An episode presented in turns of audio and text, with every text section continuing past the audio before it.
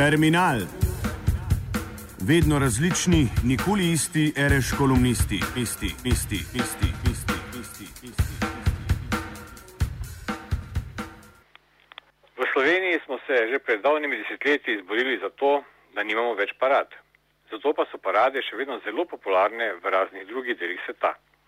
Te dni smo lahko pozvali parado ponosa, v kateri so dali svoj neizbrisen prispevek tudi generacije slovenskih poosamosvojitvenih diplomatov in politikov, vključno s tistimi, ki so ga tudi odpeljali za rešetke na dobu. Parado borcev ISIS-a, sunitskih upornikov, ki so bili tako radikalni, da so jih vrgli celo iz Al-Kaide. Svojo parado so pripravili kar sredi Mosula, enega od nekaj desetin mest, ki jih zadnjih pol meseca zasedajo brez pretiranega odpora v Iraku, saj je iraška vojska za opremljanje in šolanje, katere so predvsem ZDA uporabile na stotine milijard dolarjev, preprosto položila orožje in zbežala proti jugu države. In to orožje se je na to znašlo v paradi. V samo nekaj dnevih smo bili tako priče de facto razpadu Iraka in s tem novega vrhunca ameriških zunanje političnih polomij. Vojna, ki se je začela zato, da bi pregnali nekaj zakrknjenih talibanov, ki so dali zatočišče teroristom v Afganistanu, se je končala z revolucijo, ki je ustvarila ogromno področje nekakšnega sunitskega kalifata, v katerem se od severnega Iraka do, pa do Sirije razprostira področje, ki je pod nadzorom islamskih skrajnežev, ki z množičnimi poboji nasprotnikov vsak dan dokazujejo, da so še bolj nevarni in kruti, kot se o tem poroča v svetovnih medijih. ZDA so se ob tem seveda takoj odzvale. Ameriški predsednik namreč že dolge dneve razmišlja, ali naj v Irak pošlje nekaj vojaških svetovalcev, ali pa naj morda po islamskih skrajnežih udari tudi svojim priljubljenim krepelcem, letali na daljinsko vodenje. Medtem ko Barack Obama tako razmišlja, pa se področje pod nadzorom sunitskih upornikov lepo širi. Na udaru ne bi bilo že celo letališče v Balaladu in sam Bagdad. V popolnem kaosu priča že dejstvo, da je sirsko letalstvo pravkar izvedlo napade na ozemlju Iraka, ki jih je iraški predsednik vlade Šit Nuri al-Maliki pozdravil. Vse to je seveda posledica popolne demontaže iraškega vojaškega letalstva in vojske v času ameriške okupacije Iraka. Da se je zadeva zapacala do te mere, so seveda krivi tudi šiti sami, ki sedaj svojo največjo državo, Iranom, postajajo celo nekakšen nov zaveznik ZDA ob zaustavljanju sunitske ofenzive.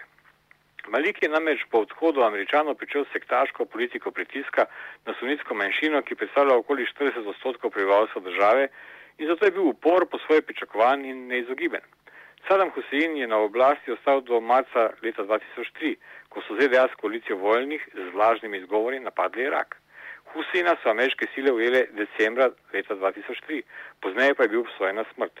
Kmalo zatem se je začel pregon sunitov, izgon deset tisočev iz služb, demontaža vojske, pregon sunitov strani večinskih šitov ob protiterorističnih akcijah, po katerih so bili v zaporih dolge mesece in leta brez kakršnih koli obtožb. V tem času so Irak pričeli pretresati številni teroristični napadi, predvsem na šite.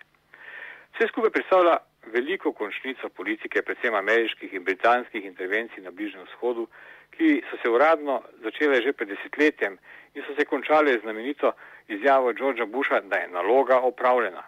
Pri vsem tem se je grdo popodskala tudi zunanja politika manjših držav, tudi Slovenije, ki je veliko in podobi nekdanjega zunanjega ministra Slovenije Dimitrija Rupla zvesto podpirala kratkovidno iskanje orožja za množično uničevanje v napačni državi. Če izamemo uspeh revolucije v Tunisu, je rušenje režimov na Bližnjem shodu posod pripeljalo do precej žalostnih rezultatov. Robert Fisk je v Independentu tako opisal najnovejši dosežek ameriške diplomacije. Po groteskah talibanov in osame bin Ladna ter 15 od 19 teroristov 11. septembra lahko spoznate še zadnjega od monstruoznih prispevkov Saudske Arabije k svetovni zgodovini. Islamističnemu kalifatu Iraka in Levanta, zasedbi Mosula in Tikvita ter Rake v Siriji in morda Bagdada ter najboljše poniževalce Busha in Obame.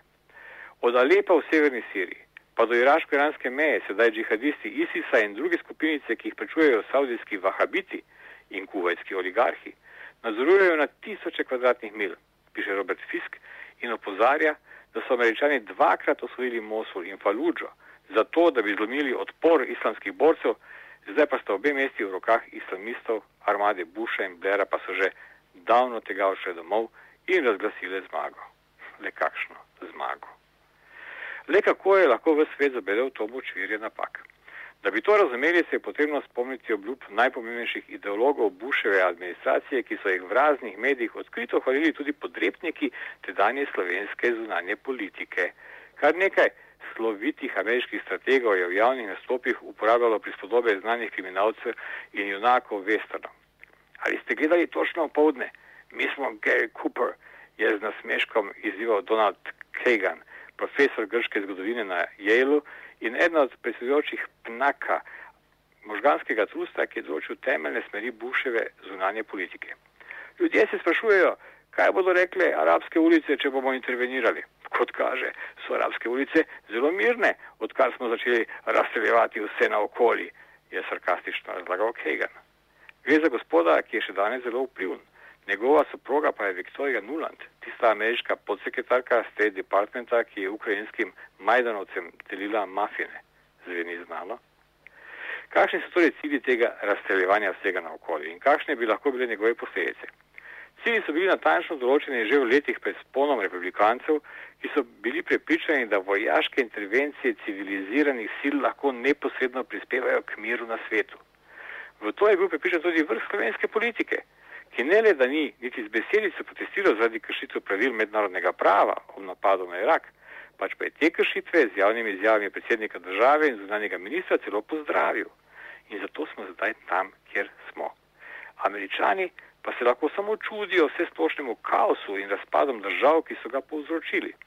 Če bi imeli v Sloveniji bolj razgledane politike, bi to lahko bil tisti trenutek, ko bi svojim zaveznikom lahko rekli ponosno.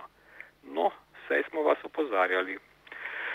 To, da tisti v Sloveniji, ki so sedaj, ko bi morali opozarjati, samo repkali, lahko sedaj samo nemo in osramočeno opazujejo parade tistih skrajnežov, ki so jim s svojimi kratkovidnimi potezami pomagali k smaki. Terminal je pripravil Igor Mekina.